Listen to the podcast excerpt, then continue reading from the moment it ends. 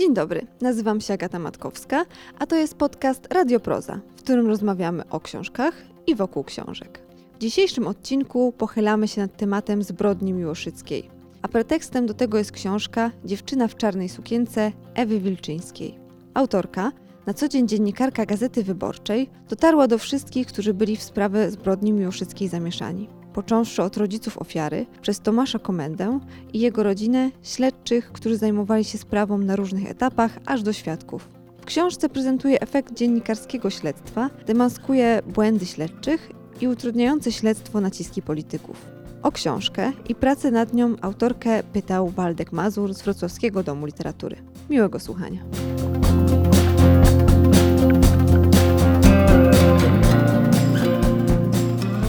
Dobry wieczór. Dostaliśmy znak, że możemy rozpoczynać.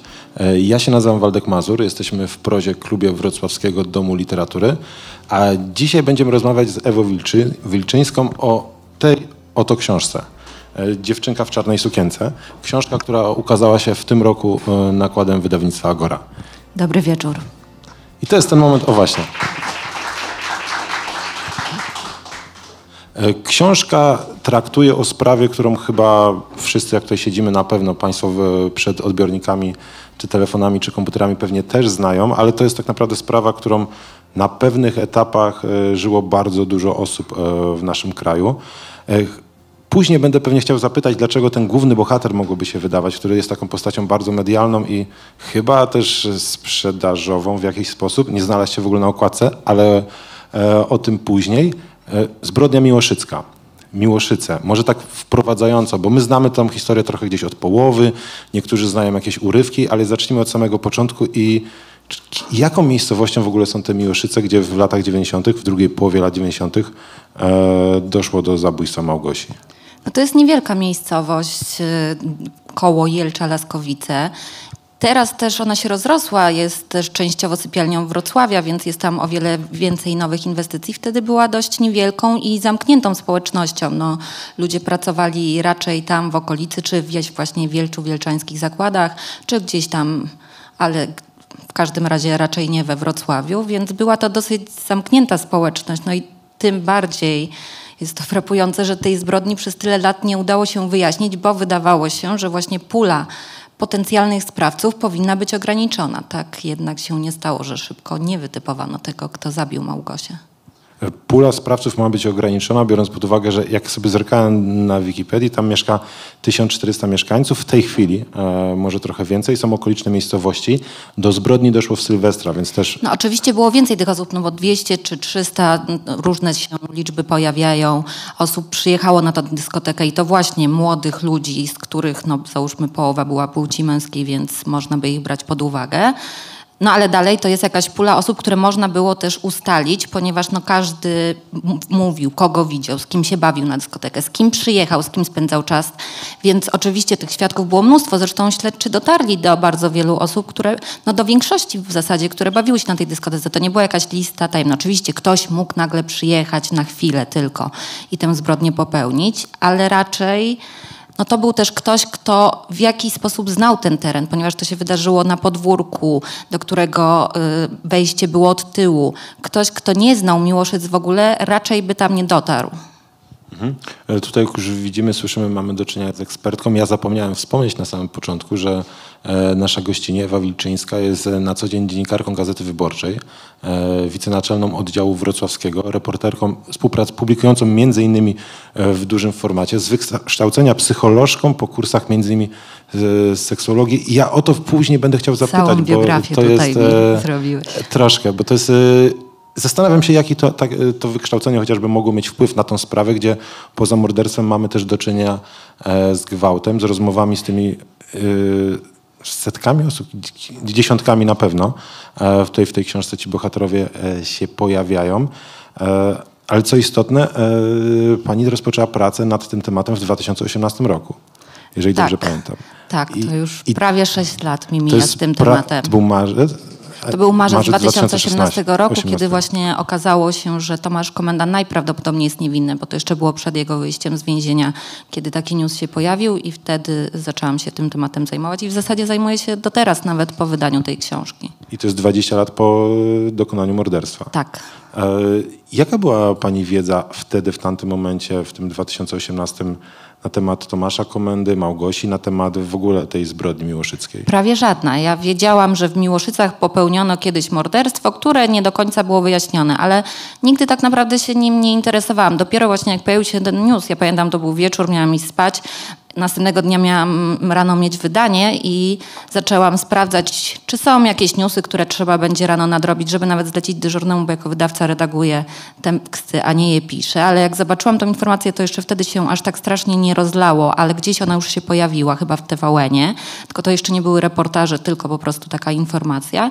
No to przez noc przeczytałam w zasadzie wszystko, co mogłam znaleźć o tej zbrodni. Oglądałam archiwalne reportaże, przeczytałam w naszym archiwum.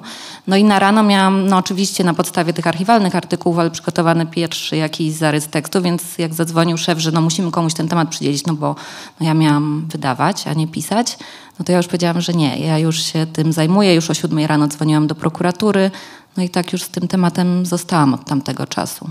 Mhm. Tutaj w opisie tej książki wydawca, wy- e, w opisie e, blurby, które są też na, te, ostatnio, na tylnej okładce, padają bardzo mocne stwierdzenia dotyczące całej w ogóle historii. Ja też miałem tako, takie, w którymś momencie do mnie dotarło, ja kończyłem książkę czytać w sobotę, e, w Święto Niepodległości i tak sobie pomyślałem, że kurczę, wszyscy tutaj się cieszymy, jesteśmy dumni z naszego kraju, a ta historia trochę e, mogłaby temu przeczyć. Dla dziennikarki, która taki temat łapie, e, w 2018 roku, młodej dziennikarki, która gdzieś jest na początku swojej drogi. Taka, taki temat to jest szansa, to jest coś, co ekscytuje, co wzbudza emocje bardziej takie pozytywne w tym sensie, że mam tutaj coś, co jest interesującego.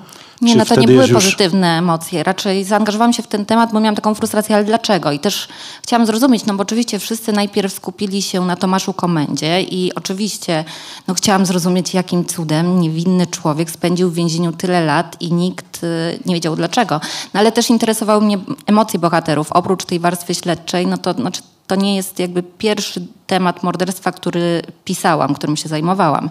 Pisałam wcześniej też reportaże, które mówią o zbrodni i zawsze najważniejsze dla mnie były emocje bohaterów, y, ich rodzin, bliskich, to jak ludzie czują się w pewnych sytuacjach.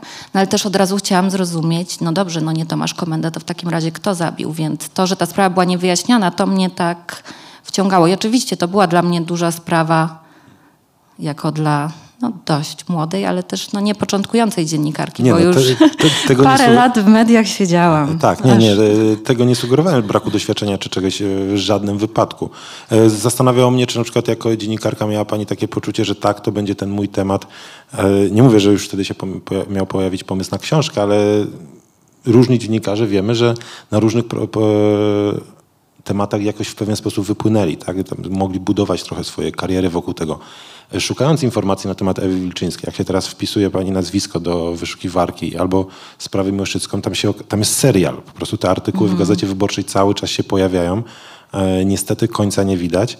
E, stąd się właśnie pytam, czy w ogóle gdzieś śniło się pani, że to może być coś, coś tak skomplikowanego, co nawet jak już wiedzieliśmy, że Tomasz Komenda e, raczej jest niewinny, to e, tego finału i tak nie będzie. Znaczy ja myślałam, że w końcu ta sprawa zostanie w pełni wyjaśniona, bo faktycznie ja dostałam dosyć szybko propozycję napisania książki, bo już w 2018 roku zgłosiło się do mnie kilka wydawnictw, czy nie chciałabym jej napisać, no bo jako jedna z nielicznych miałam kontakt już wtedy z Tomkiem, z jego mamą, no ale ja też wiedziałam, że Grzesiek Głuszak już z Tomkiem rozmawia do książki o nim, a też miałam poczucie, że o samej zbrodni wiem zbyt mało, żeby pisać. I, i cieszę się, że tego nie zrobiłam, żeby pisać o zbrodni, bo były zupełnie inne plotki, zupełnie inne historie. Ja wtedy no, miałam dostęp tylko do akt tych starych, nie tych, które teraz były tworzone. Zresztą wtedy śledztwo cały czas trwało. E, No, dopiero później został zatrzymany tak naprawdę drugi podejrzany, no teraz już skazany. Ale ja i tak wierzyłam, że ja tą książkę napiszę, jak już wszystko będzie wiadome na pewno. I ja to ciągle przekładałam, że jeszcze muszę zbierać te materiały i jeszcze.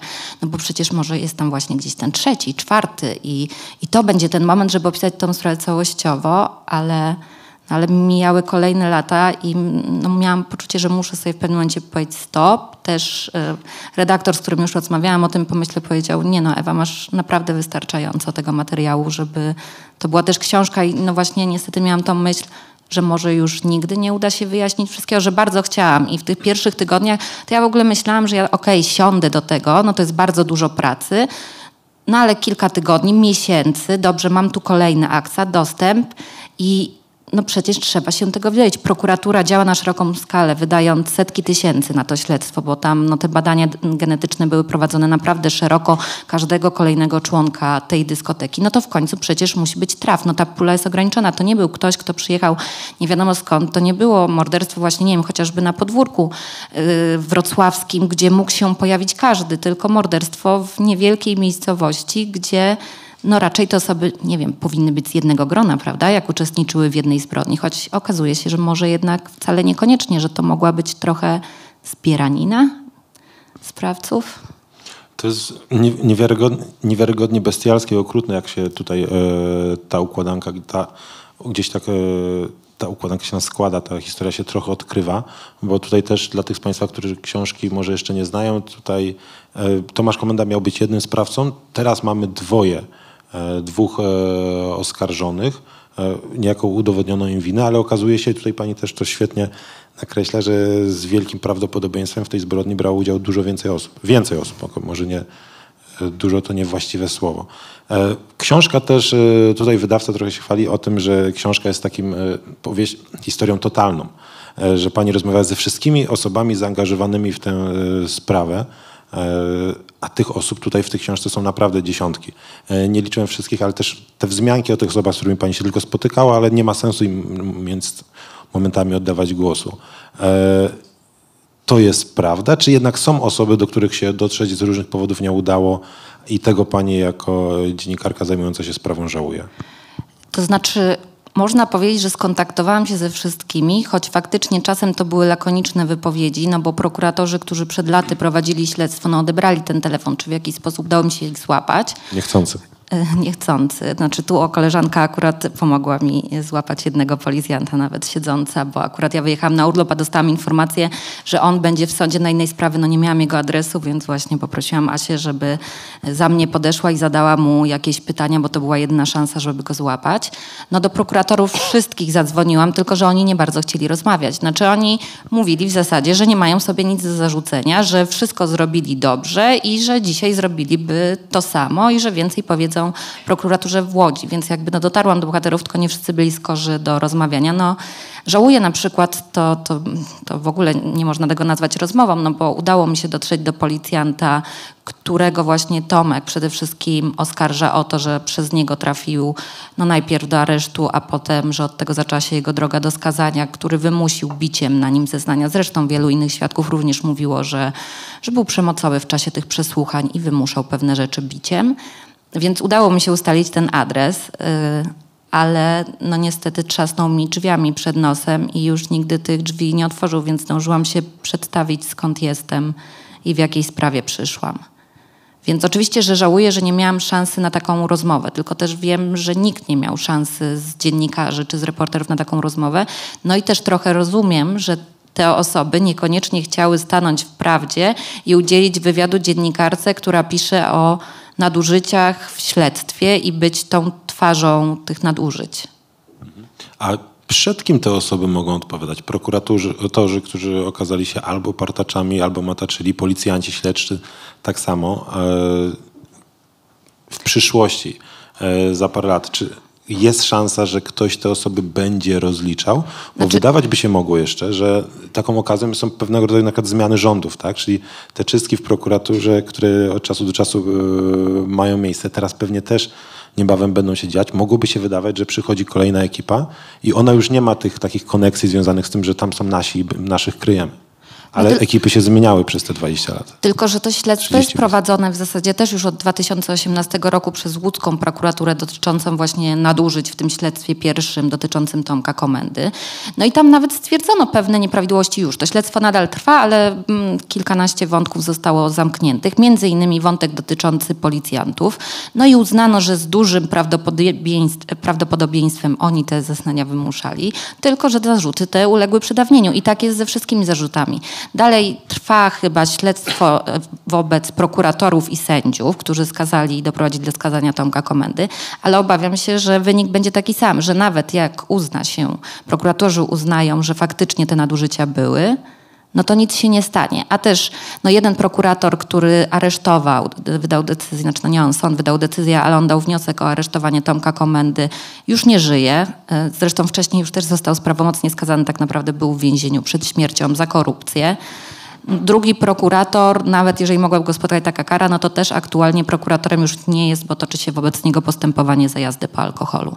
Więc y, sami, no albo tutaj też los ostatecznie wykluczyli się z tego zawodu nadużyciami na innych też polach. No ale czy tu by byli ukarani? No niestety właśnie, no to minęło tyle lat, że mamy przedawnienie i no to jest tylko odpowiedzialność moralna ich, że faktycznie możemy powiedzieć po, jeżeli prokuratura faktycznie ujawni już wszystko, wszystkie informacje na temat tego, co zrobili nie tak, no to możemy powiedzieć, tak, wy byliście winni.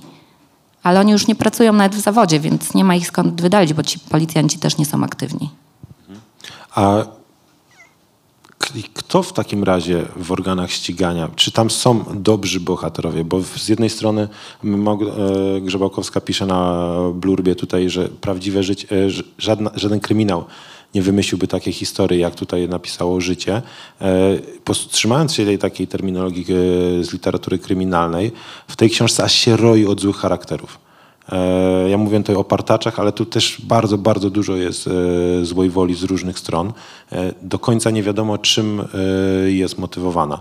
Czy w tej takiej poszuk- w tych poszukiwaniach e, tych historii, tej prawdy, pani udało się natrafić na postaci, które są takimi trochę rycerzami, którzy pomagali, którzy sprawiali, że jest gdzieś tam e, promyczek nadziei, że tutaj wszystkich tych winnych uda się wskazać. Znaczy ja mam poczucie, że ta ekipa, która teraz pracowała nad tą sprawą i nadal tak naprawdę pracuje, chociaż no już nie w całym tym składzie, to im naprawdę zależało na wyjaśnieniu i może właśnie powiem te nazwiska. To jest policjant Remigiusz Korejwo, prokurator Dariusz Sobieski, główny prowadzący tą sprawę i prokurator Robert Tomankiewicz, naczelnik wydziału, który się tą sprawą zajął. I myślę, że no to są ci dobrzy bohaterowie, no bo zwykle rolą prokuratury nie jest uniewinnianie ludzi. To było bardzo dużo pracy, bardzo dużo pieniędzy. To nie jest śledztwo popularne, że ktoś przychodzi i mówi, no to uniewinnijmy sobie jakiegoś człowieka. No przecież tam były specjalistyczne badania, szczęki. To jeszcze trzeba było znaleźć tych ekspertów. Nawet to nie było łatwe. Tych akt są, no ta sprawa ma około 20 tysięcy stron akt, więc oni naprawdę szukali ekspertów z każdej dziedziny i mam poczucie, że robili to skrupulatnie, że zaangażowali też dużo swojego wolnego czasu, bo to często była praca po godzinach, wieczorami, w weekendy. Ich dzieci się bawiły w prokuraturze, kiedy oni nadal pracowali. No ale kiedy zrozumieli, że Tomek Komenda jest niewinny, nie potrafili tego odpuścić, więc myślę, że ich zaangażowanie sprawiło, że, że tu mogła w końcu sprawiedliwość, że Tomek wyszedł w końcu z tego więzienia. A czym oni się różnią? Jak pani tak spogląda na nich jako e, pracowników, no y, trochę budżet, nie trochę, budżetówki.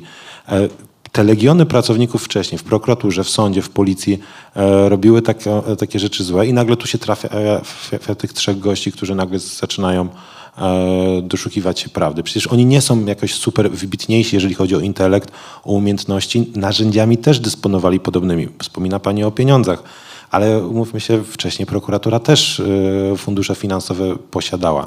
Co sprawia, że te osoby e, tak się wyróżniają na tle pozostałych? Znaczy z tych funduszami to jeszcze sprostuję, kiedyś to było bardzo różnie, no bo jak na przykład teraz pytałam, no dlaczego nie zrobiono bardziej dokładnego badania DNA w sprawie Tomka Komendy, tylko takie, które dawało, no oczywiście wynik pozytywny dotyczący Komendy, ale e, no, zgodność mogła być o 70 osoby we Wrocławiu w zasadzie do tego kodu, więc ktoś z Państwa też by się załapał na zgodność tamtymi badaniami, e, no to usłyszałam to już akurat od eksperta DNA, który pracował przy tej sprawie przed lata, no, że nie było pieniędzy. Prokuratura nie zlecała tych bardziej dokładnych badań, bo były po prostu droższe. Te, które wykonane kosztowały kilkaset złotych, a te, które wykon- m, byłyby dokładniejsze, kosztowały około dwóch tysięcy. Znaczy to nie tak też, że teraz prokuratura jest jakoś strasznie bogata, no ale myślę, że to jak wszędzie, po prostu niektórym się chce i niektórym zależy i no wierzę, że jest jednak w wymiarze sprawiedliwości sporo takich osób. Niestety system czasem jest zniechęcający do tej pracy. No Remik właśnie odszedł z policji, narzekając na to, jak to wygląda, bo chciał się zająć kolejnymi takimi sprawami, no ale nie dostał na to zgody. I teraz pomaga dalej ludziom, ale tak naprawdę na własną rękę, więc no, ma tą misję. Są ludzie, którzy mają misję. No, ludzie wybierają też takie zawody z jakiegoś poczucia. Tylko no, czasem system jest też miażdżący, niektórym się nie chce z nim walczyć. Ta, ta książka jest bardzo smutna, jak się ją czyta, ponieważ ma się takie przeczucie, że jesteśmy w, w czarnej wiadomo gdzie trochę jako obywatele naszego kraju. E, Ale to i tak jest nic, jak w trakcie lektury sobie uzmysławiamy, jak muszą się czuć rodzice Małgosi. I właśnie o Małgosię chciałem teraz zapytać, by zahaczyłem na samym wstępie od, od Tomka Komendę. A ja od razu chciałam odpowiadać, ale się powstrzymałam. Tak, proszę. Były naciski wydawcy, żeby przynajmniej gdzieś w podtytule, gdzieś na stronie wrzucić Tomasza Komendy, Nie, bo właśnie tutaj nie. komendy nie ma. Na, po filmie, po tym wszystkim zamieszaniu, ja podejrzewam, że sprzedaż na pewno byłaby większa książki, bo to jest po prostu nazwisko popularne, telewizja, e, internet i tak dalej. Znaczy bardzo jestem z tego zadowolona, bo ja o książce myślałam tak od samego początku. O tej dziewczynie w czarnej sukience. To jest taki tytuł, który towarzyszył mi na długo przed tym, zanim zaczęłam pisać tą książkę, bo ta dziewczyna w czarnej sukience faktycznie pojawia się w tej historii jak refren. No, o, tej o tej sukience jest całkiem sporo w aktach, jak ona ją wybierała, że to sukienka po kuzynce, bo nie było ich stać, żeby kupować nowe ubrania. Małgosia bardzo lubiła się ładnie ubrać, więc bardzo jej zależało. Tata znowu wieczorem ją przestrzegał dzień wcześniej, żeby może jednak ubrała spodnie, no bo wiadomo, no, nie będzie za bardzo prowokowała. Ona jednak w ostatniej chwili nawet wyjęła te dżinsy, ale w ostatniej chwili tą sukience... włosy po wyjściu z domu. Tak, w ostatniej chwili się tą sukienkę przebrała. Jeszcze w tej sukience ma zrobione ostatnie zdjęcie przez przyjaciółkę tuż przed wyjściem. No a później właśnie wiele osób, no bo prawie nikt jej nie kojarzył, ona nie była z Miłoszyc, przyjechała z Jelcza na tą dyskotekę, ale właśnie jak mówili o niej, to dużo osób zapamiętało dziewczynę w czarnej sukience, dziewczynę w czarnej sukience. No i po latach no, ta sukienka stała się tak naprawdę głównym dowodem w tej sprawie. No, ale mi też zależało, oczywiście, no, ta sukienka była ważna, ale dla mnie też najważniejsza była Małgosia. To jest też co, coś, co powtarzali cały czas jej rodzice, którzy byli ogromnie sfrustrowani, że o tej sprawie mówi się tylko w kontekście Tomasza Komendy.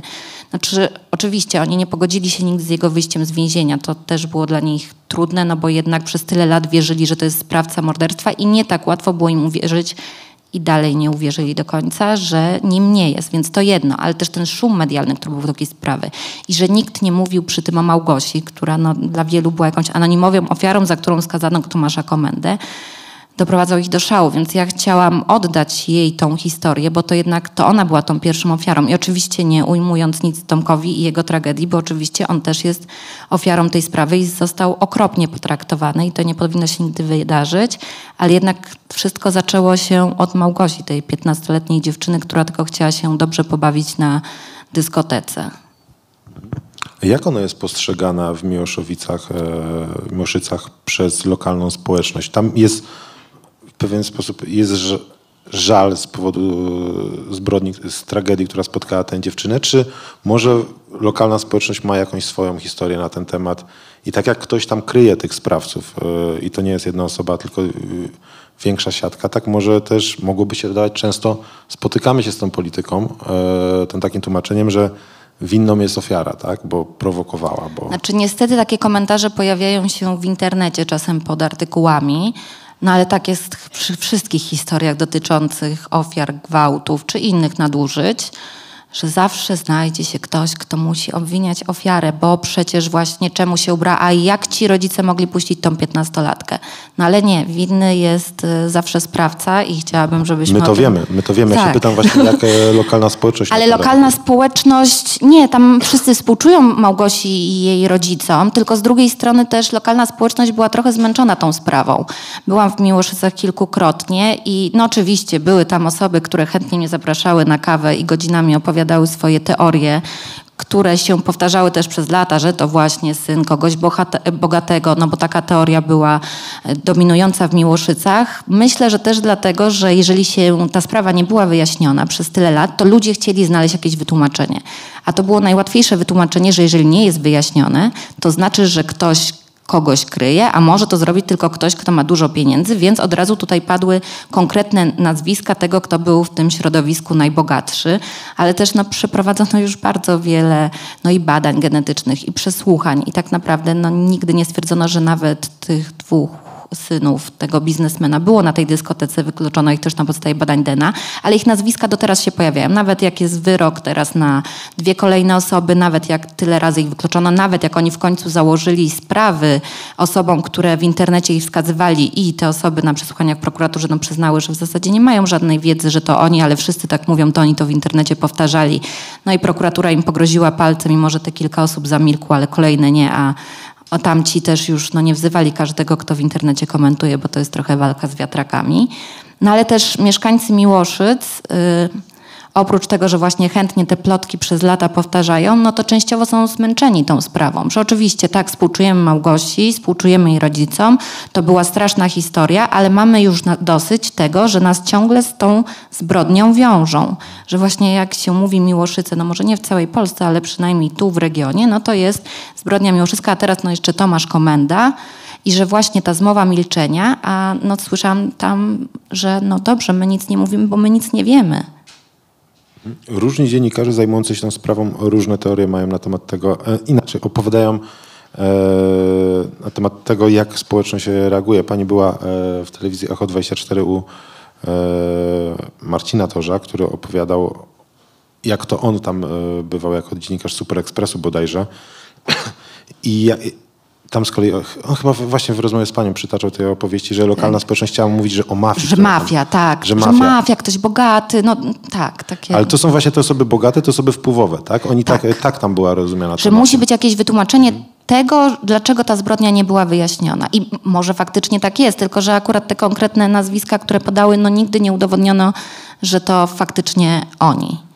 No te mafijne jakby powiązania no nie są akurat tutaj taką tylko plotką, no bo faktycznie nawet prokuratorzy, którzy to śledztwo prowadzili, powiązania z mafią mieli właśnie ten prawomocny wyrok tego już nieżyjącego prokuratora, który doprowadził do aresztowania komendy, to był właśnie za kontakty z gangsterami, choć on się zarzekał, że no tak brał łapówki, ale sprawy komendy nie wziął.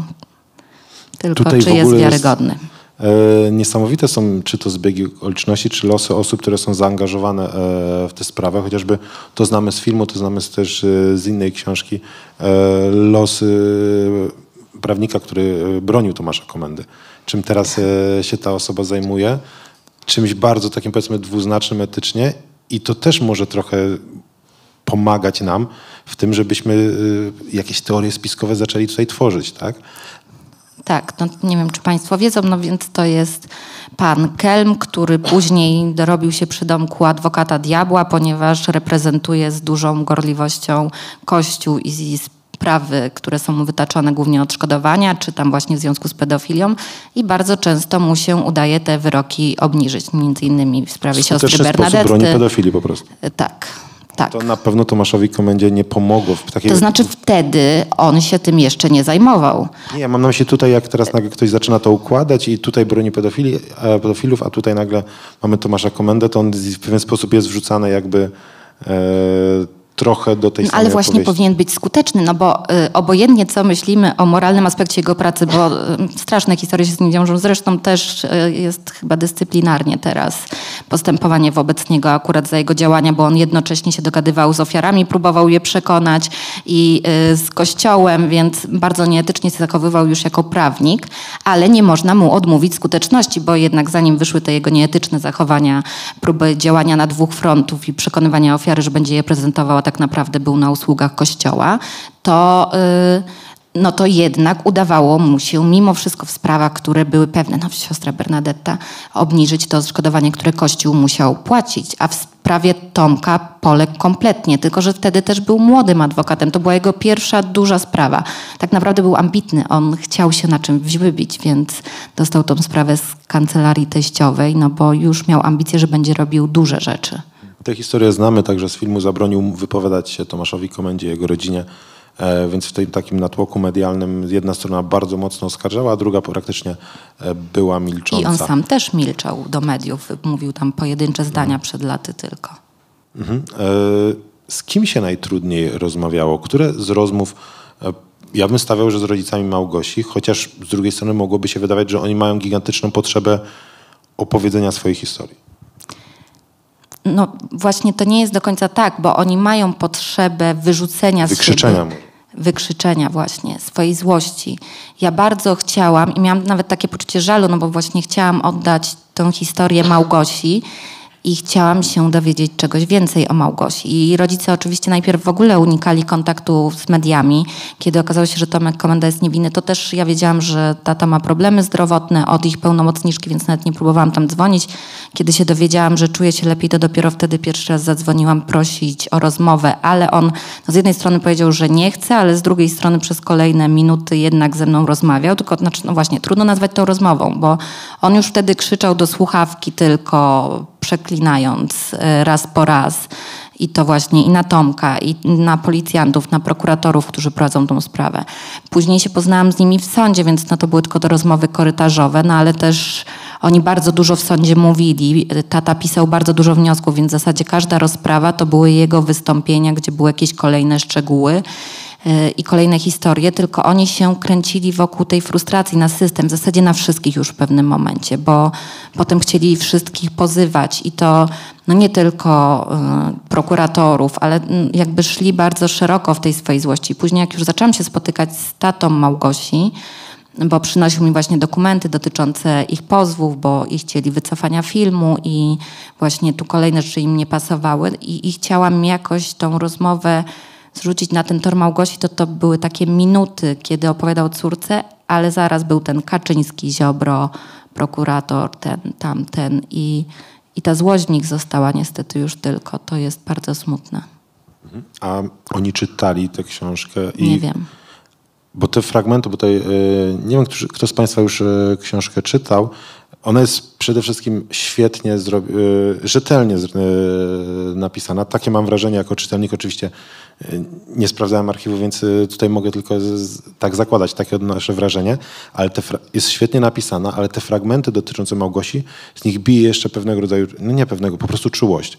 I widać, że tutaj musiała się Pani chyba postarać, też chciała Pani, żeby ten, żeby tam było czuć empatię, żeby tam było czuć troskę o tą bohaterkę, żeby jej ten szacunek został e, oddany. I ja się zastanawiałem właśnie, jaki musi być, jaki był odbiór rodziców, którzy czytają te fragmenty rozpoczynające, te przygotowywania, bo poza tym, że poznajemy Małgosię udającą się na e, tę sylwestrową dyskotekę, to jeszcze są przytaczane historie wcześniej z jej szkoły, e, z jej przyjaciółką, która, na którą rodzice trochę e, marudzili, bo miała ją ściągać na taką, wyciągać na e, zabawy. O tej kuzynce, o której pani wspominała, tam jest dużo czułości, takiego też myślę, że empatii i zrozumienia pani jako kobiety, która też była kiedyś nastolatką, która dorastała. Która też się wyrywa na dyskoteki i Mhm. Tak, dokładnie. wykuca z rodzicami, co by ją tam puścili. Ja bym był szalenie właśnie ciekaw, czy jak rodzice by na to, bo na pewno to serce by ich zabolało, ale myślę, że też mógłby być to ten fragment, ta historia, która trochę by im pomogła zrozumieć, że są tutaj osoby, które gdzieś tam z nimi się trochę solidaryzują i e, współodczuwają.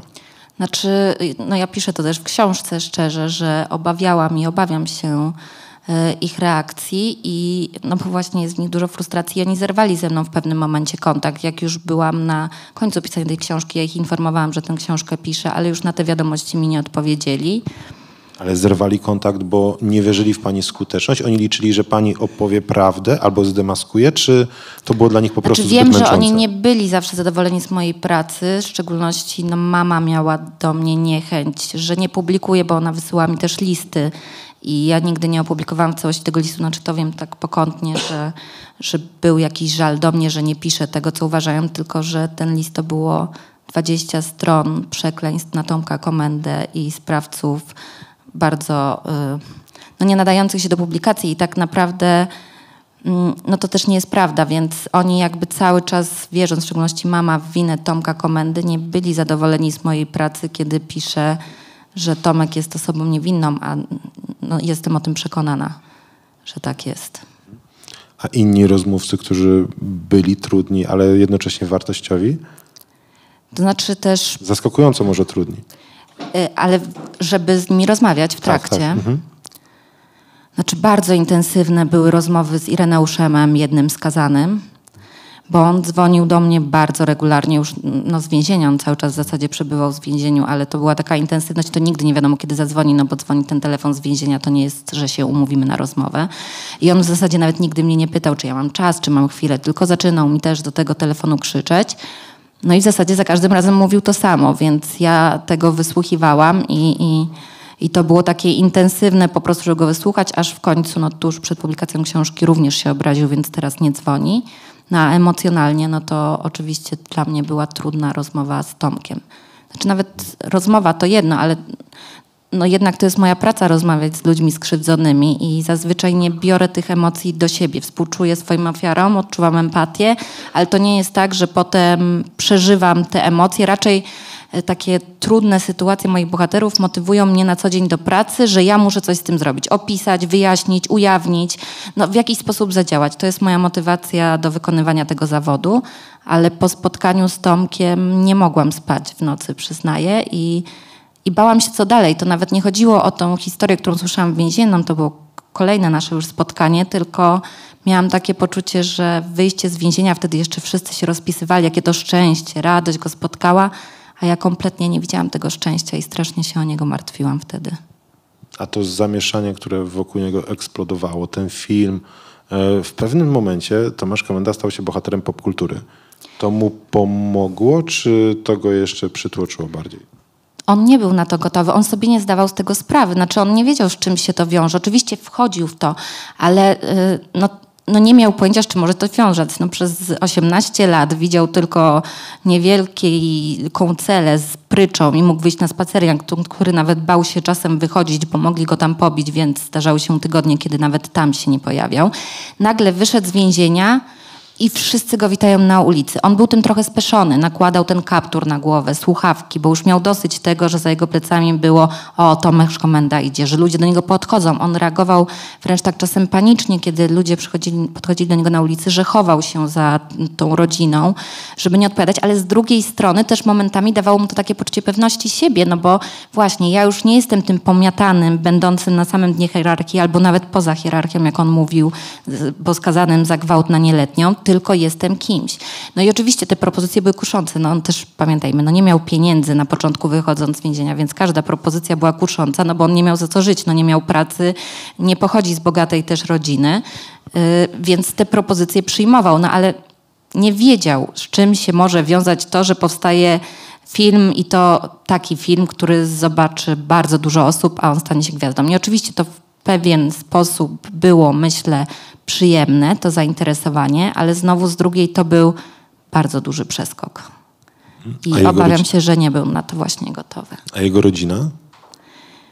Jego rodzina, no, dla jego rodziny to też właśnie było trudne, znaczy dla mamy w szczególności, bo ona bardzo emocjonalnie to przeżyła i dalej się o Tomka bała.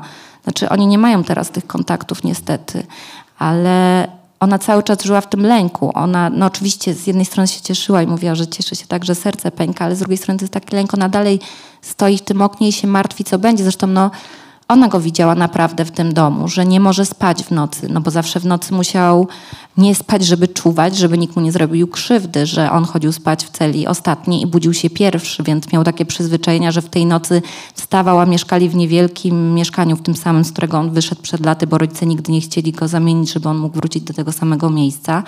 I on chodzi po tym domu, że zamyka się w swoim pokoju i słucha muzyki na słuchawkach, bo, no bo był przyzwyczajony do tego, że jest sam, więc to było trudne, a ona też nie potrafiła słuchać jego historii. Jak on nawet chciał opowiedzieć pewne historie, to dla jego rodziny momentami to było za dużo, żeby wreszcie usłyszeć wszystko, co przeżył, bo on ich bardzo chronił, będąc w więzieniu. Nie opowiadał nawet te kolejne śniaki, które oni widzieli, to tłumaczył, że się przewrócił, że spadł, że no, no nie można się tyle przewracać, mama to wiedziała, ale, ale bali się o tym rozmawiać i nagle trochę to na nich spłynęło, no bo też wywiady Tomek opowiadał o tym w rozmowach, czy ze mną, czy z Grześkiem, więc mama trochę nawet przez te rozmowy poznawała tą historię, ale trudno było im się z tym zmierzyć. No a oprócz tego właśnie działo się bardzo dużo. Nie było tego spokojnego czasu, żeby mogli się poukładać jako rodzina. Tak myślę, no oczywiście fajnie się ocenia po czasie i też trudno powiedzieć, co moglibyśmy z tym zrobić, ale myślę, że to była bardzo niekorzystna sytuacja, że wszedł od razu w ten szum medialny i że też właśnie, och, jakie kupił Tomek buty, a że użył telefonu, że stał się takim celebrytą, którego zdjęcie było wszędzie. No a on odpowiadał czasem naiwnie tym dziennikarzom, bo ktoś go pyta, no to on odpowiada. On nie wiedział, z czym to się wiąże, zaraz będzie na trzech czołówkach tabloidów, bo kupił buty. No, myślał, że jak ktoś się nim interesuje, to po prostu się odpowiada.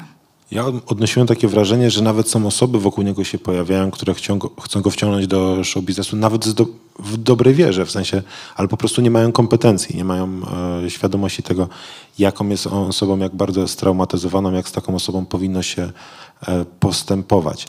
E, a były rozmowy w trakcie, w których, no oczywiście, że były rozmowy, w których pani nie wrzuciła do książki informacji, ale takie, które mogłyby być e, interesujące, może w pewien sposób zmieniające obraz sytuacji, ale miała Pani wątpliwości co do ich prawdy, co do tego, czy ktoś nie koloryzuje, czy ktoś tutaj nie tworzy fikcji literackiej. To nawet nie, no bo znaczy ja mam przekonanie, że nawet te czasem rozmowy, które tam dawałam, to jest y, Ale one są tak w oczywisty sposób e, po prostu przegięte. swobodny strumień świadomości bohaterów, już nie podając nazwisk, no ale y, Ale może ktoś prawa e, im się- konfabulował, ktoś zmyślał w taki inteligentny sposób, że pani pomyślała jako dziennikarka, ojej, to, to jest już niebezpieczne i tego może nie wrzucę. Historia może sama by w sobie zyskała, ale mogłabym kogoś To nie, skrzywdzić. znaczy starałam się bardzo w tej książce oddać głos naprawdę wszystkim stronom. Nie chciałam być tą stroną oceniającą, tylko chciałam oddać czytelnikowi jak najwięcej jednak faktów, no a jednak faktami jest to też, co mówiły konkretne osoby. Nie wiem, czy mama uważa, że Tomasz Komenda jest winny, że Irek powtarza, że to w ogóle niemożliwe, że to on i w ogóle on nikogo nie zgwałcił, chociaż ma tych wyroków za gwałty ileś. I oczywiście ja te wypowiedzi potem zestawiam z faktami, właśnie, nie wiem, dowodami na niewinność Tomasza Komendy, czy wszystkimi dowodami na gwałty, których popełnił się Irek, ale daję im też prawo powiedzieć to swoje zdanie, jakiekolwiek by ono y, nie było. Raczej czasem myślę, że nie dawałam pewnych rzeczy, bo uważałam, że to już y, za dużo i że nie chcę tak odsłaniać mojego bohatera. E, Mija 40 minut naszej rozmowy. Ja zapomniałem na początku wspomnieć, że Państwo także mogą tutaj się do nas dołączyć, e, zadawać pytania. I w transmisji internetowej także można pod komentarzami coś pisać. Za chwilę będziemy tam zerkać, ale może ktoś z Państwa tutaj e, wśród publiczności chciałby już teraz o coś autorkę zapytać. Okej, jeszcze nie, e, to za chwilę pewnie do tego przejdziemy. Ja wspomniałem na początku, że jest Pani z wykształc- z wykształcenia psycholożką e, i się tak na chłopski rozum to się wydało bardzo sensowne i bardzo pomocne, jeżeli chodzi o pracę dziennikarską, zwłaszcza e, pracę reporterską, gdzie jest, e, gdzie trzeba z ludźmi po prostu rozmawiać i trochę trzeba też e, się wgryźć w ich psychikę. E, I tak warsztatowo. E, To wykształcenie pani pomaga w zawodzie, w pracy nad tą książką, czy jednak e, tutaj jednak bardziej potrzebna jest po prostu taka intuicja, którą się ma albo jej się nie ma? Znaczy na pewno nie przeszkadza jeszcze, oprócz psychologii, potem studiowałam seksuologię, więc jakby ta kwestia gwałtów, nadużyć, przemocy seksualnej jest mi bliska też od strony naukowej i mój szef zawsze powtarza, a bo ty jesteś psycholożką, to ty idź właśnie porozmawiaj, że do takich tematów ja jestem. Ale ja też tak- sobie myślę, że po prostu i studia, i zawód wybrałam dlatego, że lubię rozmawiać z ludźmi. Więc to jest jakby coś, co było pierwsze i no oczywiście właśnie no nie zostałam ostatecznie terapeutką, no ale rozmawiam z ludźmi skrzywdzonymi czy w trudnej sytuacji w inny sposób. No i myślę, że no oczywiście no w jakiś sposób pewnie to pomaga, to przygotowanie i, i jakaś wrażliwość i wyczucie. No bo nie chcę nigdy, żeby mój bohater po rozmowie czuł się gorzej niż przed rozmową ze mną. To nie jest mój cel. Oczywiście jako dziennikarka muszę, powinnam uzyskać jakieś informacje i to są trudne rozmowy, no ale staram się nie być w tym agresywnie wyciągająca, żeby oni się źle poczuli, tylko żeby To jest możliwe przy takim temacie, bo myślę, że na przykład Tomasz Komenda, o którym już e, tak dużo pani powiedziała, e, on chyba najchętniej chciałby o tym zapomnieć, tak? Jak, jakiekolwiek właśnie- podejście do tematu chyba mu nie może ja pomóc. byłam przekonana, że rozmowa z Tomkiem, no bo spotykaliśmy się najpierw nieoficjalnie, miałam powiedziane, że okej, zapoznajemy się, bo najpierw go widziałam przed sądem raz, potem przed sądem drugi raz, to już były jakieś rozmowy takie pojedyncze jak tam, jak się czujesz i tak dalej. I cały czas pytałam oczywiście o ten wywiad, ale on się jeszcze powstrzymywał. Później poszliśmy na nieoficjalne piwo, to Grzesiek Guszak też się wtedy z nim umawiał i mi zaproponował, żebym przyszła, ale też z informacjami, że żadnych rozmów o sprawie, tylko rozmawiamy o tym, co teraz. No i myślałam, że no dobrze, no to umówimy się już na ten wywiad, no bo w końcu się zgodził, ale myślałam, że będziemy się tak po powierzchni tylko. No bo takie były te wypowiedzi, tak, wielkie szczęście, tak, więzienie to był koszmar, tragedia. Takie duże słowa, ale które też nie niosą za sobą historii. Dramat, które no, często ludzie powtarzają, bo oczywiście to jest koszmar, dramat i tak dalej, ale nie ma za tym bardzo dużo treści i sama byłam zaskoczona, jak Tomek się otworzył i to ja w tej takiej naszej długiej rozmowie, z której potem właśnie pisałam reportaże do DF-u, ja prawie nie zadawałam pytań przez kolejne minuty, bo on mówił, mówił i mówił. I miałam takie poczucie, że on miał to poukładane w głowie od dawna, tę historię. I wreszcie mógł ją komuś powiedzieć, kto nie jest też płaczącą matką, która nie potrafi tego znieść emocjonalnie.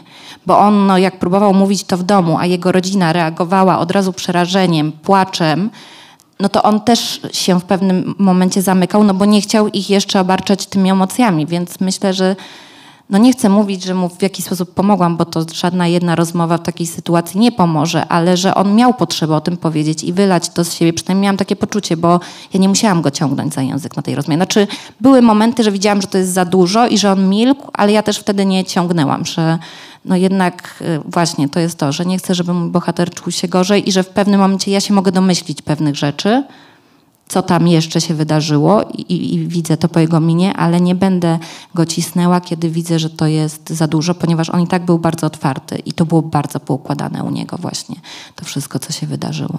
Mhm. I jedna strona tego medalu to są bohaterowie, to te osoby pokrzywdzone, ale też te osoby, które są gdzieś emocjonalnie uwikłane w te sprawy, e, mniej lub bardziej e, bezpośrednio. Ale tutaj też pojawia się autorka książki, która musi w to całe, powiedzmy, bagno e, emocjonalne, bagno związane z zbrodnią, z mataczeniem, z tymi historiami wejść. I siedzi pani w tym temacie od bardzo dawna. I ja czytając książkę, z jednej strony byłem wciągnięty w tę historię, ale czułem ten pewien ciężar, e, który z tą historią się wiąże. Ale to i tak jest nic w porównaniu z tym, co pani ma w sobie, co, co pani nagromadziła.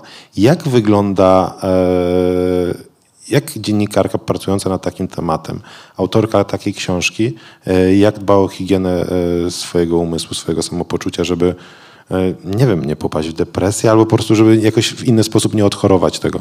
Czy właśnie to, co może mówiłam wcześniej, że ja zwykle nie odczuwam tych emocji bohaterów. One właśnie mnie motywują do działania.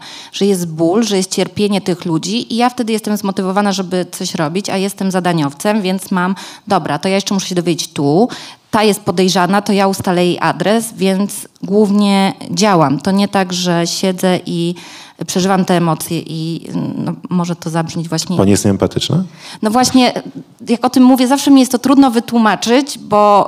Yy, co rozmawiam z kimś o tej książce, to wszyscy mówią, jakie to musiało być dla ciebie trudne, jak to przeżyłaś. Ja to czytałem, czytałam i, i te emocje tam są takie właśnie straszne, ciężkie i ja to czytałem i to było trudne i jak z tym, z tym żyjesz. I ja wtedy się czuję że kurczę, zaraz ktoś pomyśli, że właśnie ja nie mam tej empatii i wrażliwości, a tak naprawdę myślę, że zupełnie tak nie jest, bo jestem osobą czasem nawet może nadwrażliwą w takim codziennym życiu, jak już się tutaj muszę przyznać.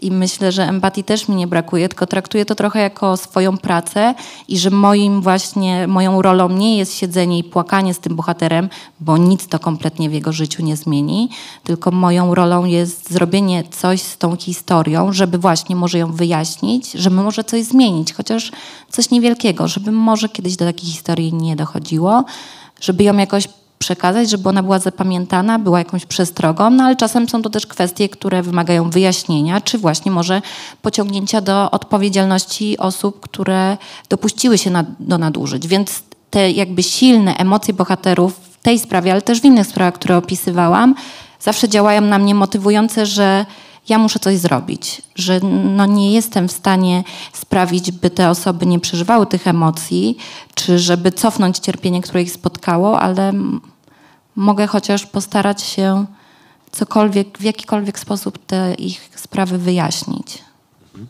Jeszcze raz zerkam w stronę publiczności. Gdyby ktoś z Państwa chciał się do e, rozmowy przyłączyć, można to zrobić. Wystarczy e, podnieść rękę. Kwestie warsztatowe, bo książka, już tutaj ją chwaliłem, że czyta się świetnie, ale jak sobie tak e, coraz dłużej o tym myślałem, to, to pewnie miała Pani niezłą zagwozdkę, jak tę książkę skonstruować, bo e, 2018 rok pani rozpoczyna pracę. E, Znamy pewnie tutaj część z nas Ewę Wilczyńską właśnie z, z artykułów, których się pojawiło całkiem sporo. E, Ta historia ciągnie się od drugiej połowy lat 90. Książki też mają swoje jakieś limity, jeżeli chodzi o liczbę, zna, liczbę znaków. E, Kiedy pojawił się pierwszy pomysł, żeby książka powstanie i jak ewoluował kształt tej książki od tego, który mamy teraz finalnie, do tego, który mamy finalnie, od tego, kiedy ten pierwszy pomysł się pojawił. To znaczy, no, pomysł, że piszę książkę, no to już tak naprawdę od tego 2018 roku gdzieś miałam z tyłu głowy, ale też nie myślałam oczywiście wtedy o formie, tylko że ja zbieram materiały. No ten tytuł przyszedł jakoś mi dosyć szybko, że ja już tak myślałam o pracy nad tą książką i że jak kiedyś ją wydam, to chciałabym, żeby miała ten tytuł i tak z niepokojem, jak już podpisałam umowę wydawnictwo zagadnęłam, czy może być i na szczęście nikt nie protestował. No a umowę podpisałam dwa lata temu, w 2021 we wrześniu, no to tam chwilę wcześniej te rozmowy się zaczęły, więc tak naprawdę wtedy no, na podpisywanie umowy już przygotowałam ten konspekt, jak chciałabym, żeby ta książka wyglądała. No i ten główny układ z tym podziałem właśnie, że jest ona, że jest on, no to też jest coś, co już wcześniej miałam w głowie. No ale najwięcej pracy przyznaję i to się bardzo zmieniało od y, tego pierwszego pomysłu do ostatniego, było z tą pierwszą częścią. Ona też była dla mnie najtrudniejsza, ponieważ opiera się głównie na materiałach archiwalnych, y, no, które są ciężkie językowo i, i, no i po prostu by się to źle czytało. Ja oczywiście starałam się temu nadać jak najlepszą formę, ale brakowało mi tam właśnie takich szczegółów reporterskich, takiego czegoś, co sprawia, że czytelnik czuje tą historię, jak ją czyta, że właśnie, nie wiem, ktoś pije herbatę, ktoś jest gdzieś idzie, wiemy, jak jest ubrany. Ja nie chciałam e, w żaden sposób tego beletryzować, bo miałam takie poczucie, że w tej sprawie się na tyle dużo wydarzyło, że ja chcę się trzymać faktów, ale no w tym pierwszym czytaniu redaktora to on tak powiedział, no dobrze Ewa, no to jest reportaż, ale zrób z tego literaturę. No i ja tak, no dobra, ale właśnie ja bardzo protestowałam, że nie robimy z tego beletrystyki w żaden sposób, nawet oczywiście zaznaczając czytelnikowi, no bo za, takie zabiegi w reportażu się robi. Więc potem siedziałam karnie jeszcze raz nad tymi aktami, wyszukując często takie pojedyncze zdania, że ktoś tam w zeznaniach powiedział, że mama nie umiała posłodzić herbaty. I wtedy zmieniałam i jak najbardziej chciałam nadać, żeby no właśnie, żeby to się też dobrze czytało, żeby to nie był przegląd akt, archiwalnych akt, tylko żeby jakby oddać tą scenerię. Ale ja też milion razy poprawiałam, co kiedy się wydarzyło, bo nagle ktoś mówi zupełnie inaczej.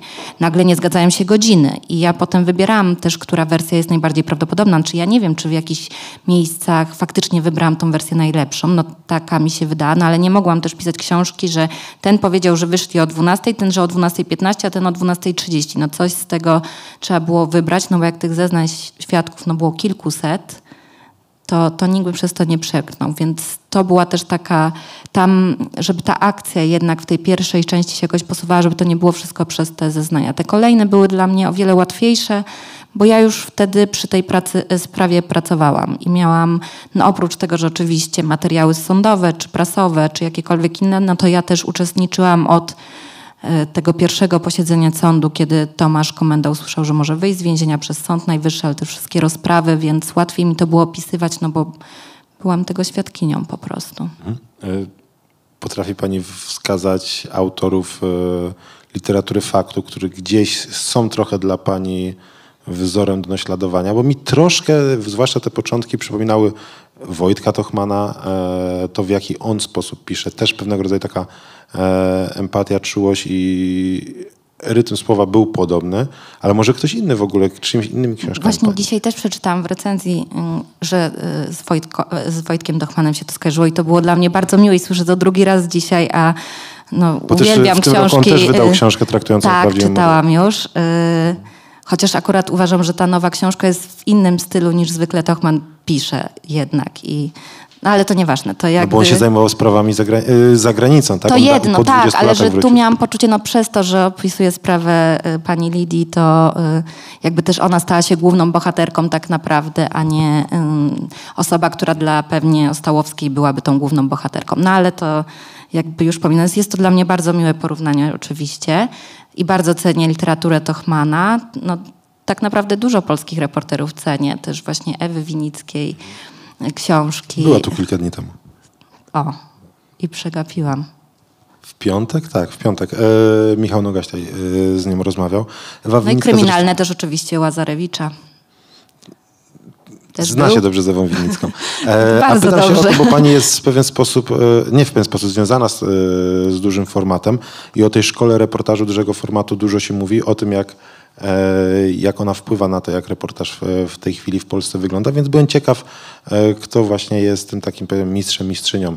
E, Dla autorki wciąż początkującej, bo jako dziennikarka nie jest pani żółtodziobem, ale to jest książka debiutancka, więc podejrzewam, że też Tak. e, pewnego rodzaju stres i Znaczy emocje nie były chciałam się na związane. nikim wzorować, że właśnie sobie myślałam, o ten pisze tak, ten pisze tak i ja będę coś odwzorowywać tutaj, bo właśnie nawet jak już w trakcie pisania redaktor mi wtedy mówił, o to zobacz sobie tą książkę, bo tu jest coś napisane, to ja bardzo niechętnie wtedy sięgałam akurat po te książki. I Nie chodzi mi o taką Bo, e, inspirację, raczej o taką, że czytamy literaturę, czytamy i miło, Tak, no nawet to- nieświadomie trochę tym językiem No przesiąkamy. to dużo czytam ja, tego polskiego reportażu, tak, przyznaję. skoro ja, ja wspomniałem Tochmana właśnie raczej w taki sposób, że może I te emocje. Tochmana są mi bliskie, bo on potrafi właśnie pisać tak, że się to czuje.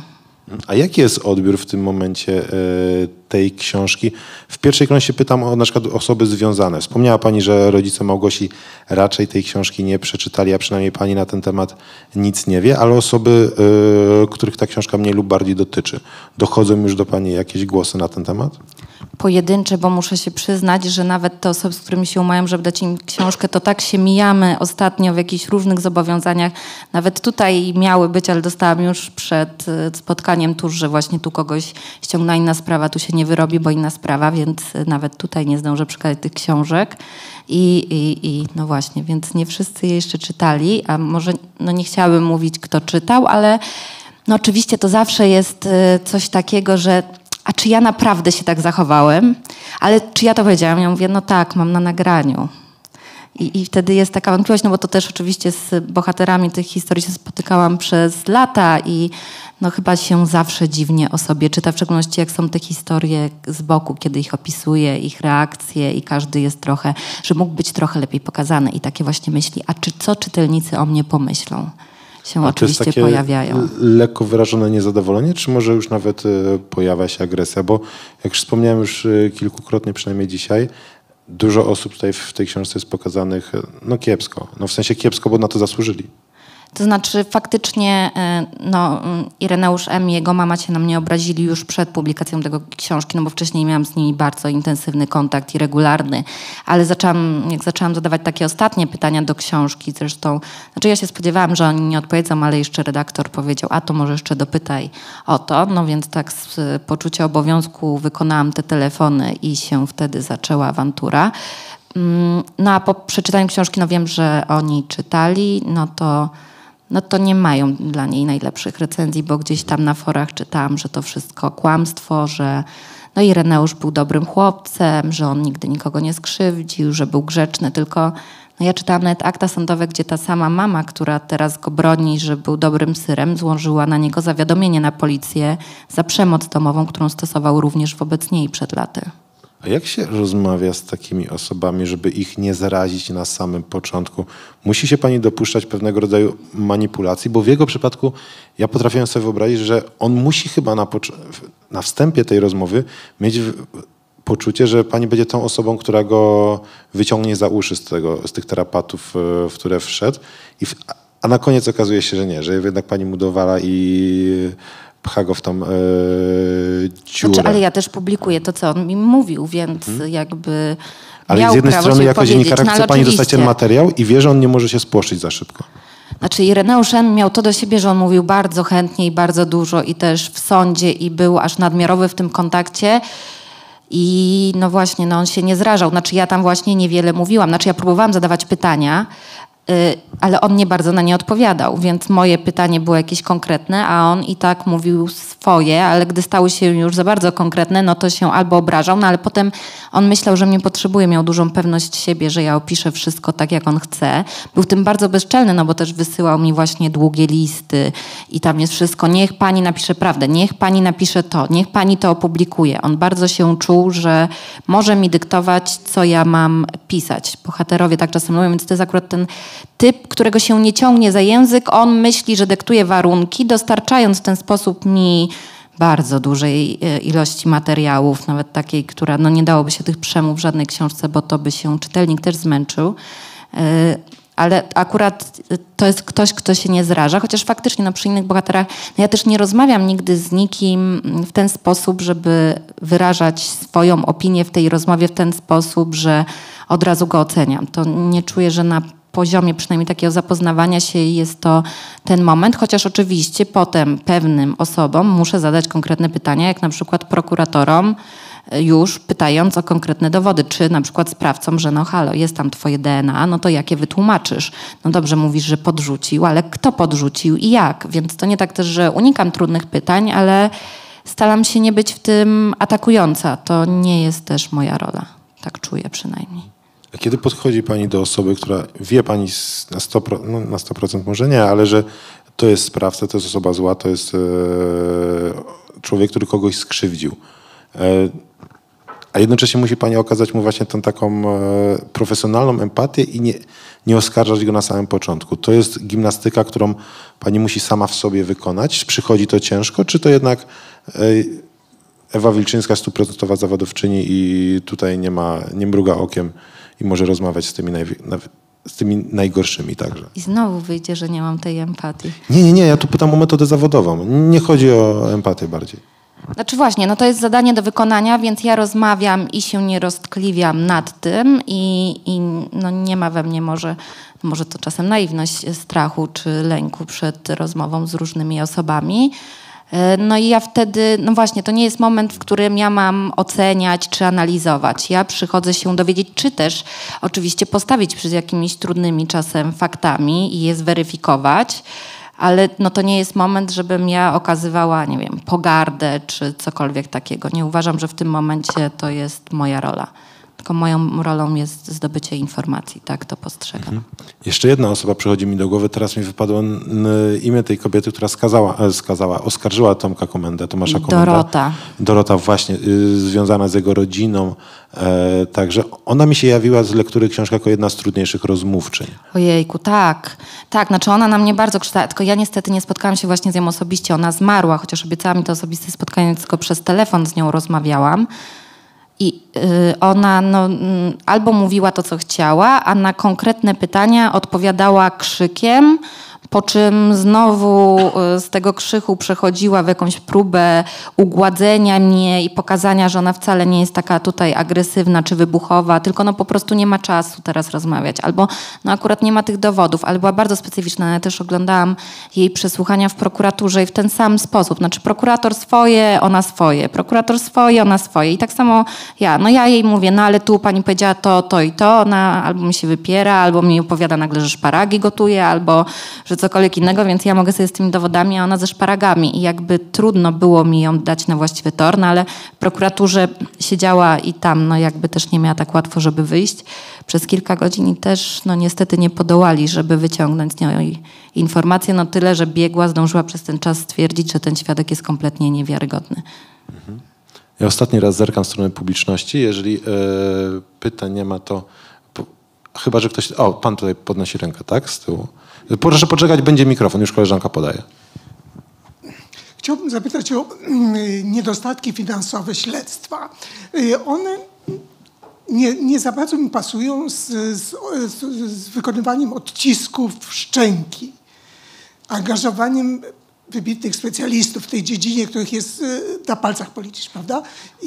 Ja, i- Tylko, że to się wydarzyło, te badania, tak naprawdę po tak trzech latach od morderstwa. To nie było od razu, tylko dopiero już... na początku y, jakby prawie nie wykonywano te dodatkowe ekspertyzy, właśnie jakichś dodatkowych y, też rzeczy znalezionych na miejscu zbrodni, bo tam i jakaś metalowa linka właśnie była, czy wykonanie tych odcisków szczęki, to nie było od razu. No od razu no to mieli te włosy, ale w zasadzie też je zbadano tylko tam najprostszymi metodami i porównywalną tylko z niektórymi. I tak naprawdę no też ta zawziętość rodziców, która, którzy udawali się do wszystkich instancji, ostatecznie też do instancji najwyższej ministra sprawiedliwości, sprawiła, że faktycznie w tym śledztwie coś się działo, no bo najpierw no, oni składali skargi, wnioski kolejne, że zróbcie jeszcze to i to i to. Prokurator im te wnioski oddalał. No ale później oni szli do tej wyższej instancji i w końcu jakoś się udawało, że prokurator coś tam więcej musiał zrobić, żeby właśnie przeprowadzić jakieś kolejne badania. Ale to nie było od samego początku. No te pierwsze miesiące, które no niestety są kluczowe, znaczy są kluczowe, żeby znaleźć sprawców, to były takie za, dosyć prowizoryczne. y. No oczywiście no przesłuchiwano świadków, ale to takie też były przesłuchania. Byłeś tam? Nie byłem. Albo byłem. Zrobiłeś to? Nie zrobiłeś. Widziałeś kogoś? No nie i koniec. I, i, I nie sprawdzano wtedy też tak dokładnie. To dopiero te badania były na późniejszym etapie, no bo już Tomek no to jest tak naprawdę prawie trzy lata po rozpoczęciu śledztwa. Bardzo dziękujemy. Czy ktoś jeszcze chciałby o coś zapytać? Tak, to proszę poczekać, jest mikrofon. Wtedy nas słuchać panią w streamingu też. E, Chciałam się spytać, jak społeczeństwo w, w Miłoszycach e, no, potraktowało rodziców Tomka? Znaczy y, rodziców Tomka, no to przed laty to mama próbowała tam chodzić i też uzyskać jakieś informacje. To było zresztą takie znaczące, no bo najpierw chodziła po Miłoszycach mama Małgosi, która chciała się czegoś dowiedzieć, a później, kiedy aresztowano do tej sprawy Tomka, to mama Tomka pojechała do Miłoszyc, żeby również no, w jakiś sposób udowodnić, że no przecież mojego syna tam nie było, niech będą świadkowie, ale no Miłoszyce wtedy też nie były do niej przychylnie nastawione. Nikt nawet nie chciał jej wpuścić do domu, wszędzie zamykano jej drzwi przed nosem, jak ona się zamyka, bo tak naprawdę wszyscy uwierzyli, no taka była też narracja no, mediów, prokuratury, że to on jest winny, że no nikt nie chciał rozmawiać z mamą morderczyni. No, ona we Wrocławiu też była bardzo źle traktowana nawet przez najbliższych sąsiadów, którzy uwierzyli, że jest to rodzina morderców. Więc no, nikt w tych miłościach, ona próbowała się tam czegokolwiek dowiedzieć i znaleźć świadków, którzy by potwierdzili, że Tomka nikt nie widział, ale nikt nie chciał z nią rozmawiać. Zresztą no, z rodzicami Małgosi po pewnym czasie też już nie bardzo chciano rozmawiać, bo ludzie mieli dosyć, że rodzice przychodzą i ich atakują, że jak to? Na pewno widzieliście, to powiedzcie. No i ludzie mieli dosyć, że kolejny raz powtarzają, że oni naprawdę nie są winni, więc byli trochę już tą sprawą zmęczeni. Ja sobie zerkam teraz e, na streaming w internecie, czy są pytania pod komentarzami, ale nie, są udostępnienia, są podziękowania za książkę, pytań jako takich nie ma, ale może jeszcze na sali się znajdą. Dobry wieczór. Ja mam jedno pytanie do autorki książki, która przy okazji jest moją koleżanką ze studiów psychologicznych, o których y, była tutaj mowa. E, I myślę sobie, że ten y, zarzut braku wrażliwości da się dosyć łatwo wytłumaczyć odcięciem. Dziękuję. Ja zostałam w branży, pracuję jako psychoterapeutka, często z traumą. I y, odcięcie od takich trudnych emocji, przy takich trudnych przypadkach, e, kiedy używa się tego w sposób umiejętny, wcale nie musi być złe, jest często fajnym, przydatnym narzędziem. I myślę sobie, że przykład używania takiego skutecznego i dobrego tego narzędzia właśnie siedzi na, na scenie. E, Ale chciałam zapytać o psychologów w całej tej historii. Właśnie dlatego, że tyle dzisiaj jakby była tak często gdzieś tam ta psychologia się pojawiała. Jestem ciekawa, czy y, osoby zaangażowane w całą tę historię w ogóle były w jakikolwiek sposób, na jakimkolwiek etapie tej sprawy wyposażone w pomoc psychologiczną. E, Przede wszystkim już w momencie, kiedy było wiadomo, do jakiego potężnego błędu doszło. E, Podejrzewam, że ze strony systemu taka pomoc nie została im zapewniona, ale pytanie, czy w ogóle gdzieś się pojawiały takie osoby, które w ogóle inspirowały do tego, żeby tej pomocy psychologicznej poszukać, bo bez dwóch zdań e, po, po tym też, co usłyszałam tutaj dzisiaj, no są to osoby z potężnymi problemami do przepracowania. No właśnie niestety na początku, no to były lata 90., więc psychologów w ogóle traktowało się po macoszemu, więc no to, co jest smutne, to rodzice Małgosi nigdy takiego wsparcia nie dostali, takiej propozycji. Oni tylko byli zbywani w tym śledztwie, a nikt w żaden sposób im nie chciał pomóc. No co gorsza, też psychologów nie e, wykorzystywano, czy wykorzystywano, nie wzywano do pomocy w tym śledztwie, więc te opinie niestety nie były robione, co również by pomogło. Dopiero teraz faktycznie biegła psycholożka przysłuchiwała się większość zeznań. A jeżeli chodzi o wsparcie, no to Tomasz Komenda takie wsparcie dostał po wyjściu z więzienia. On chodził na terapię przez jakiś czas, właśnie mówił, że ona mu pomaga. Zawsze mówił, że wychodzi od pani terapeutki i czuje się jakby zrzucał ten ciężki plecak. Tylko niestety z tego co wiem, to przerwał tą terapię. Mm, a jeżeli chodzi o mamę, no to no ona sama przyznawała, że bardzo ją to wszystko dużo nerwów kosztowało. No, nawet jak miałyśmy się spotkać, to ona kilka razy odkładała to spotkanie. Później, jak się spotkałyśmy, to cała była taka poddenerwowana i jakby ona mówiła, że jest wykończona, że ją to zniszczyło, ale nawet kiedy pytałam ją, czy w takim razie może nie chciałaby z takiej pomocy skorzystać, no to niestety się na to nie decydowała. A jeżeli chodzi o rodziców, to ostatecznie z tego co wiem, nikt jej tak, nikim takiej pomocy nie zaproponował. Dziękujemy. Czy ktoś jeszcze? To już prawie na koniec jeszcze pytanie ode mnie, bo wydawać by mnie się mogło jako laikowi, że mm, sprawy kryminalne, sprawy morderstw, e, prokuratura, policja to jest taki bardzo męski świat. I czy, a, tak jest rzeczywiście? I czy ma jakiś, czy to jest różnica, kiedy w ten świat wchodzi dziennikarka, a jakby wchodził dziennikarz? I czy pani z czymś takim się spotkała, że może, może miała łatwiej, a może by było trudniej, a może w ogóle to jest zupełnie e, nietrafiony trop? Znaczy jest trochę tak, że inne kontakty z policją czy z prokuraturą, nie mówię, że akurat z tymi konkretnie śledczymi, bo to nie tak, że akurat z tymi konkretnie, tylko w ogóle starej daty dziennikarze, którzy może jeszcze przed laty pili z nimi gdzieś tam flaszkę, bo się w prokuraturach flaszkę piło.